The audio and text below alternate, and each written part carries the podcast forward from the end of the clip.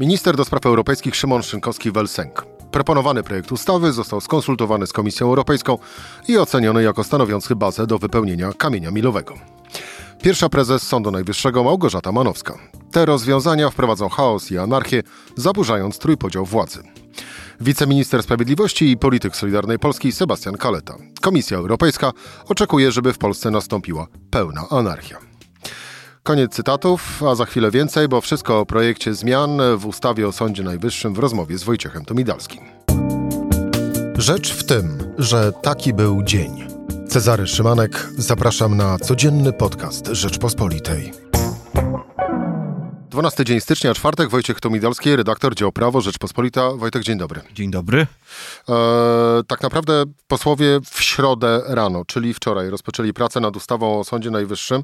E, tą ustawą, która według e, rządu i cytowanego już wcześniej przeze mnie na samym początku ministra do spraw europejskich Szymona Szynkowskiego-Welsenka ma doprowadzić do odblokowania unijnych środków dla, dla Polski, te w, tych w ramach e, Krajowego Planu e, odbudowy.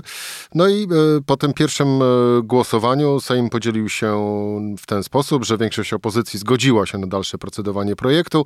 Autorstwa PiS za odrzuceniem były Solidarna Polska i Konfederacja, a także dwoje posłów samego Prawa i Sprawiedliwości. No więc po tym głosowaniu projekt trafił do dalszych e, prac, tym razem już na, na komisji.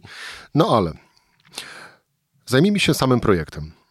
I zgodnie z nim sprawy dyscyplinarne i immunitetowe sędziów miałby rozstrzygać Naczelny Sąd Administracyjny, a nie jak obecnie Izba Odpowiedzialności Zawodowej Sądu Najwyższego. E, to jedna z głównych zmian, które ów projekt e, wnosi. No to przetłumaczmy teraz to, Wojtek, na język polski zrozumiały dla Aha dla wszystkich obserwatorów tego, co się dzieje? Spróbujmy. Ktoś mianowicie wyobraził sobie, że skoro z Sądem Najwyższym jest taki problem, że, że, że to on rozpoznaje te sędziowskie dyscyplinarki, to może znajdźmy jakiś inny sąd, e, który mógłby to zrobić i który w najlepszym, co najważniejsze, który mógłby zostać uznany za niezależny od y, na przykład Ministerstwa Sprawiedliwości, od ministra sprawiedliwości, skoro największym problemem jest to, że to minister Ziobro tutaj mm, wskazywał osobiście Krajowej Radzie Sądownictwa, kogo do tego sądu powoływać i teraz te osoby zajmują się orzekaniem w sprawach sędziowskich dyscyplinarnych, no tak było, bo to w, w, zasadniczej części Izba Dyscyplinarna już nieistniejąca składała się z prokuratorów podległych wcześniej yy, ministrowi Ziobrze. Oni się teraz, że tak powiem, rozpłynęli po innych izbach Sądu Najwyższego, co tworzy nowe problemy. No to czy może w takim razie Naczelny Sąd Administracyjny być tym sądem? No i zrobił się problem natury konstytucyjnej. Oprócz tego, że, że, że pani pierwsza prezes, profesor Manowska ma z tym problem osobisty, wcale się nie dziwię, bo takie odbieranie Sądowi Najwyższemu spraw e, to jest nie tylko ujma na prestiżu, ale też no, na znaczeniu i od strony czysto prawnej to ona ma rację. Wojtek, do tych niuansów, e, kto Zaraz kogo, dojdziemy. to za, za chwilę wrócimy, ale wytłumaczmy ową kwestię owych dyscyplinarnych, czyli Naczelny Sąd Administracyjny miałby zajmować się mhm na przykład kim? Pijanym sędzią. Na przykład tak, tak. To, to już nie Sąd Najwyższy w Izbie, mm, już dojdźmy później do tego, której Izbie e, miałby się zajmować sprawami sędziów, ale Naczelny Sąd Administracyjny, no tam przecież też są sędziowie, też powoływani przecież przez prezydenta, no też z udziałem Krajowej Rady Sądownictwa, tak się składa. Ale to się nie mieści e, w takim konstytucyjnym podziale sądów i trybunałów. Naczelny Sąd Administracyjny jest to artykuł 184, w, w, którym jakby no wskazano, że to nie, nie, nie, ten, nie ta kategoria spraw. Jednak Naczelny Sąd Administracyjny rozstrzyga sprawy między, między człowiekiem jako stroną postępowania administracyjnego, a właśnie jakimś organem, urzędem. E, tymczasem sędziowskie sprawy to, to, to nie ta kategoria. No to, to, to nie jest właściwe miejsce e, dla, dla tych rzeczy. Jeśli tak, to w takim razie wyjmijmy, nie wiem, jeśli lekarz spowoduje wypadek, to co, też do sądu administracyjnego? To zaburzy wewnętrzną logikę mm, organizacji tych wszystkich e, organów sądowych. I... No w sukurs jeszcze jeden cytat. Prezes NSA e, Jacek Chlebny mówił na posiedzeniu Sejmowej Komisji. Tak, zgodnie z polskim modelem e, zadaniem sądownictwa administracyjnego jest jedynie kontrola działalności administracji publicznej. Koniec cytatu. No i, i, dziękuję za uwagę. No, no tak. Właśnie. E, dobrze, to Naczelny Sąd Administracyjny nie powinien zajmować się e, tego typu e, sprawami. No ale z drugiej strony rodzi się takie podejrzenie, że skoro e, zajmowanie się sprawami dyscyplinarnymi mm, przez Izbę Odpowiedzialności Zawodowej w Sądzie Najwyższym mm, nie podobało się, mówiąc bardzo kolokwialnie, a nazywając rzecz po imieniu, wedle Komisji Europejskiej naruszało zasady praworządności w związku z tym, że no właśnie, członkowie owej Izby Odpowiedzialności y, Zawodowej, a wcześniej, y, wcześniej owej Izby Dyscyplinarnej, y, niekoniecznie mogli być uważani za niezawisłych sędziów, to płynie z tego wniosek, że w takim razie Komisja Europejska mogła uznać, że w chwili obecnej w Polsce jedynym sądem, który można by było uznać za Mm, za ten o mniejszych wpływach politycznych jest właśnie Naczelny Sąd Administracyjny. Tak, zapewne stąd się właśnie wziął ten pomysł. E, nawet są takie ploteczki, że to gdzieś z Brukseli do nas e, przyszło, że to, że to rzeczywiście jest ustawa, jak mówią ziobryści, napisana w Brukseli, to my z tego powodu nie będziemy nad nią głosować. Gdzie ona jest napisana, to jest jakąś wielką tajemnicą. E, być może brukselskie rozumienie naszej rzeczywistości jest takie, że jest sąd poza kontrolą Ziobry, bardzo dobrze i wystarczy. Wystarczy. I wystarczy, że, że tak. A wy już sobie jakoś z tym poradźcie, bo jeśli Ziobro jest największym problemem, przepraszam za te uproszczenia, ale próbuję jakoś rzeczywiście to przedstawić w, w zrozumiały sposób, no to zróbmy tak, żeby w tym Ziobry nie było. Tylko. No, no to teraz, ale to widzisz. To, do czego to, nas to prowadzi? No. Tak, tyle tylko, że tu jest jeszcze jedna kwestia. E, to ale ile jest Zbigniewa Ziobry w Naczelnym Sądzie Administracyjnym? Mniej, pewnie mniej. Ile mniej? Ech, no wiesz, no tam w, niech, trudno policzyć, no ale to, to jakiś z dziesięciu może sędziów na, na, na ten stuosobowy y, sąd, y, to, to, to jest z nominacji no, Zbigniewa Ziobry, z nominacji obecnej KRS, to są osoby przynajmniej w części o pewnym no, autorytecie. Są też, y, są też, są też sędziowie którzy no, przeszli tą szybką ścieżką KRS-owską. Sędzia Stasikowski jest jednym z pierwszych, których tam wprowadzono w czasach, kiedy jeszcze do Izby Dyscyplinarnej awansowano taką samą szybką ścieżką ludzi, co do których minister Ziobro pokładał zaufanie i być może też nadzieję. Czyli można by było użyć takiego skrótu myślowego, że Naczelny Sąd Administracyjny w obecnym składzie i w tej chwili jest mniej upolityczniony niż Sąd Najwyższy. Pewnie tak. Choć to sąd specyficzny, bo on jakby zajmował się kontrolowaniem czegoś, co już no, przebiegła. Jednak Sąd Najwyższy ma inną, inną charakterystykę, inną specyfikę i pomieszanie tych dwóch światów nikomu nie wyjdzie na dobre, bo jeśli tak łatwo można te klocki przestawiać teraz, to w przyszłości będzie być może jeszcze łatwiej i to jedyne, co spowoduje to zachwianie no, pewności prawnej co do obrotu prawnego w naszym kraju, to jest bardzo nie na rękę, e, nie tylko z powodów prestiżowych, ale też dlatego, że wywołuje bardzo konkretne konsekwencje, na przykład u inwestorów, którzy chcieliby tutaj przyjść i, nie wiem, zbudować jakąś fabrykę dużą. Świetnie. Tylko potem e, na, na podstawie jakich przepisów, jaką drogą będziemy dochodzić czegokolwiek w razie, gdyby się... Mm, coś nie udało. Czy polskie przepisy zagwarantują równą sprawiedliwość e, stron i równą niezależność od władzy rozstrzygnięcia sądowego, czy może jednak nie? Bo jeśli nie, to bardzo przepraszamy, ale może tę fabrykę postawimy w jakimś innym kraju, nie wiem, w Rumunii. E, Rumunia świetnie sobie radzi, gdy, gdy o to chodzi. E, mam wrażenie, że trochę lepiej niż my. No to teraz wróćmy do tego cytatu, cytatu yy, z pierwszej prezes Sądu Najwyższego Małgorzaty Manowskiej, która mówi wprost, te rozwiązania wprowadzą chaos i anarchię, zaburzając trójpodział władzy. Przetłumacz. E, pani prezes po pierwsze jakby upomina się o to, co Sądowi Najwyższemu miałoby zostać odebrane i co jej się nie podoba, to doskonale rozumiem.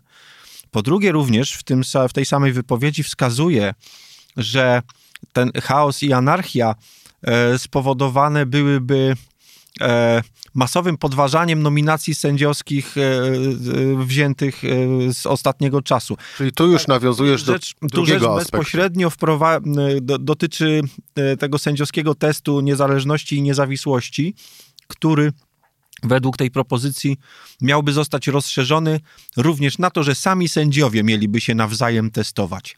To się bardzo nie podoba pani prezes i to się bardzo nie podoba prezydentowi Dudzie, ponieważ oni oboje twierdzą podobnie, że to podważa prezydenckie nominacje sędziowskie, a na to zgody nie ma.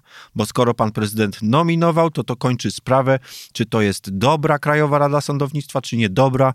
To pan prezydent, jak król Aragorn z Władcy Pierścieni, ma ręce, które leczą. Jeśli z jego rąk otrzymuje się nominację, to ona uzdrawia wszystkie wcześniejsze nieprawidłowości. To jeszcze raz, e, żeby to dobrze wybrzmiało, bo to faktycznie dotknęliśmy e, dru drugiego ważnego punktu w owym projekcie zmian w ustawie o Sądzie Najwyższym, czyli e, ten test niezawisłości i bezstronności sędziego miałby zostać poszerzony o możliwość e, inicjowania go nie tylko przez stronę postępowania, ale tak, mhm. także właśnie przez sam e, sąd e, z urzędu. Inna sprawa, że jest więcej niż pewne, że gdyby do takiego poszerzenia doszło, to sędziowie zajmą się w pierwszej kolejności właśnie tym. Nie jest tajemnicą, że w środowiskach zarówno tych sędziów, którzy są niedawno powołani, jak i tych, którzy słusznie protestują przeciwko rozlicznym naruszeniom praworządności, do jakich doszło w ostatnich latach, właśnie także z nominacjami sędziowskimi.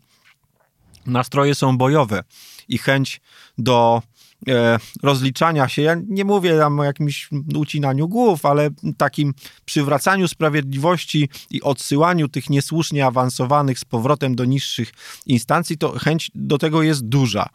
Więc to się da wyczuć w wypowiedziach publicznych i również prywatnych rozmowach e, z sędziami.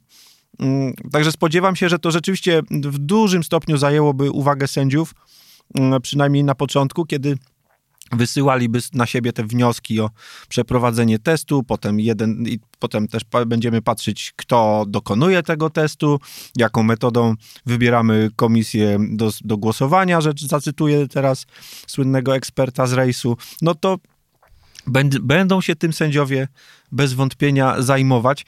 I słusznie, że będą, tylko no to jest kolejny czas, którego nie poświęcą na rozpoznawanie spraw obywateli. I tu mamy największy dramat.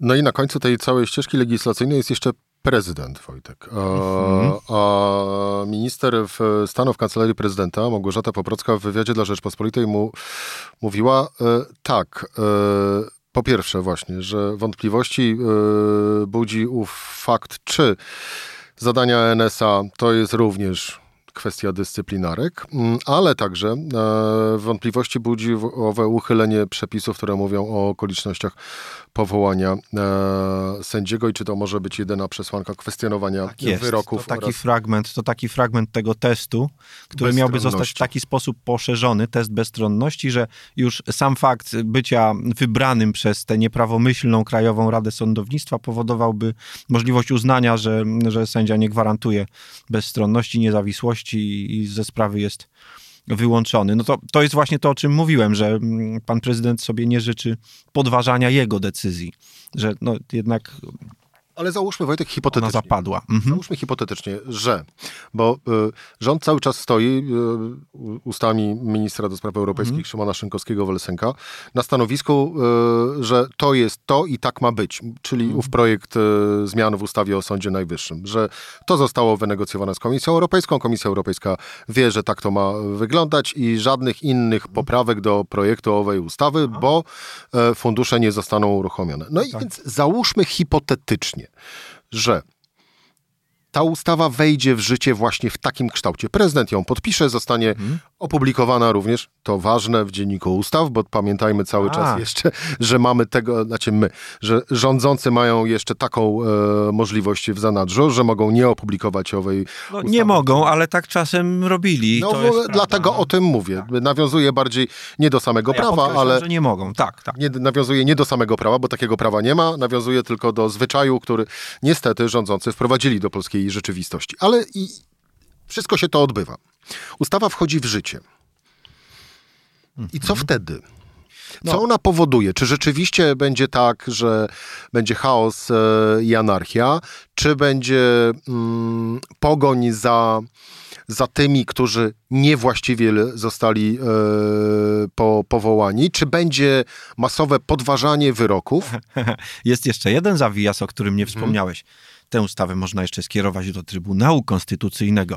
I to można ją skierować, przypomnijmy, przed podpisaniem albo podpisać, żeby nie było, że blokuje, podpisuje i kieruje do Trybunału Konstytucyjnego. Jeśli robisz to jako prezydent przed podpisaniem, sprawę rozpoznaje pełny skład Trybunału Konstytucyjnego. Czy pełny skład w tej chwili jest możliwy do zebrania po tych, e, po, po tych buntach sędziów, co najmniej sześciu? Wątpię. Jeśli jest to podpisane i skierowane do Trybunału, e, tu już możliwości są większe. Mianowicie mm, wtedy wystarczy pięciu sędziów do rozpoznania takiego wniosku prezydenta. Nie trzeba kompletować pełnego składu. Może to dlatego jest takie ważne, kto będzie Trybunałem kierował w niedługiej przyszłości. Trudno powiedzieć. No, właśnie, bo to jest pytanie, która wtedy piątka znalazłaby się w owym, e, w owym składzie. Ta piątka, która... Dobra cały... piątka, niedobra piątka, piątka dublerska, piątka prawowita. Popatrz ile pytań, nie? A z drugiej strony e, rodzi się oczywiście również pytanie, e, jak zachowałaby się wtedy Komisja Europejska, no bo z jednej strony ustawa podpisana, A. ale z drugiej strony jest w Trybunale Konstytucyjnym. No i przykro mi, kochani, ona nie może, znaczy no, jeszcze do końca nie wiadomo, czy ona jest dobra, czy... I tak do wyborów, Cezary, tak do wyborów. Ale to w takim razie, jeżeli yy, prezydent ją podpisze i skieruje y, również, po, ale już po podpisaniu do Trybunału Konstytucyjnego, przepisy obowiązują. No jeśli będą, tak, tak, podpisane, opublikowane, no to tak, obowiązują. A wtedy Trybunał Konstytucyjny tak naprawdę może się o tym wypowiedzieć dopiero po wyborach. Albo w ogóle. Albo bardzo szybko się wypowie że jest niezgodne z konstytucją, a przecież wiemy, że obecnie uznajemy prymat konstytucji nad jakimiś dziwnymi przepisami e, wyimaginowanej wspólnoty, tak? Wojtek, ale wróćmy na chwilę jeszcze na, na krótko do tego właśnie no. pytania postawionego przeze mnie w ten, w, na, na, właściwie na podsumowanie tej naszej rozmowy. Jeżeli ta ustawa weszła, weszłaby w życie, e, no to, to czym to skutkuje, e, jeżeli chodzi o wymiar sprawiedliwości? Wiesz co, moim zdaniem to nie rozwiązuje naszych prawdziwych problemów w tym wymiarze sprawiedliwości, które są w zupełnie innym miejscu. Na pierwszym planie przewlekłość postępowań chciałbym tu wymienić. E, no, no nie, nie czuję się, jakby to nam uzdrowiło sytuację. No, no nie, to jakby problem, wszyscy wiemy, że jest gdzie indziej, że z Krajową Radą Sądownictwa jest problem że problem jest z tym, że nie wyczyszczono sytuacji mm, z sędziami w Sądzie Najwyższym, którzy no, no, no, nie powinni się zajmować, nie powinni się zajmować rozpoznawaniem spraw, jeśli są wo wobec nich e, formułowane poważne wątpliwości. Uchwały trzech izb Sądu Najwyższego, trzech izb starych, która wskazuje wprost, że orzeczenia wydane przez Sąd Najwyższy z osobami, co do których powołania mamy, mamy, mamy zasadnicze wątpliwości, są nieważne. Y, kolejni sędziowie Sądu Najwyższego, ostatnio prezes Izby Pracy Piotr Prusinowski napisał, że on odmawia orzekania y, z, z, z, sędziami z nowego nadania, właśnie z powodu tej obawy nie, nieważności, to oni zostają z tym wszystkim trochę no, opuszczeni opuszczeni przez, e, prze, przez tych, którzy powinni ich wspierać. E, I, i, to, to jest, I to jest słabe. Opozycja w czasie głosowania e, nad tymi poprawkami, nad całością ustawy na Sejmowej Komisji postanowiła nawet nie zagłosować przeciw, tylko wstrzymać się od głosu. I przedstawicielka partii opozycyjnej była uprzejma powiedzieć, że była uprzejma powiedzieć, że no cóż, to my wiem, że to są niekonstytucyjne propozycje, ale decyzja o tym, jak zagłosujemy ostatecznie, podejmą nasi liderzy. Ja to już kiedyś słyszałem. Krystyna Pawłowicz coś takiego mówiła o zmianach w ustawie, o ironio, o Sądzie Najwyższym. E, pięć lat temu, nie? Popatrz, no jak to wszystko do nas wraca. Sędzia Stanisław Zabłocki, e, sędzia w stanie spoczynku, prezes Izby Karnej Sądu Najwyższego, zauważył to przykre spostrzeżenie, więc je teraz ze smutkiem powtarzam. A tak naprawdę chyba najbardziej w tym wszystkim będą e, poszkodowani wszyscy ci, którzy mają coś w sądzie do załatwienia, bo faktycznie to z kolei... No tu jest problem, właśnie albo tu. wydłuży jeszcze bardziej te bardzo długie e, procesy, albo doprowadzić również do tego, że e, wyroki będą mogły zostać unieważnione. Pieniądze z KPO? Jakie pieniądze? No właśnie. Wojciech Tomidalski, dział prawo. Dziękuję Ci bardzo. Dzięki. Rzeczpospolita oczywiście. To była Rzecz w tym w czwartek. Cezary Szymanek do usłyszenia po weekendzie.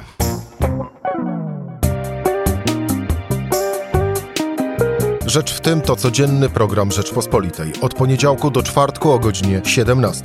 Słuchaj na stronie podcasty.rp.pl. Włącz Rzecz w tym w serwisie streamingowym.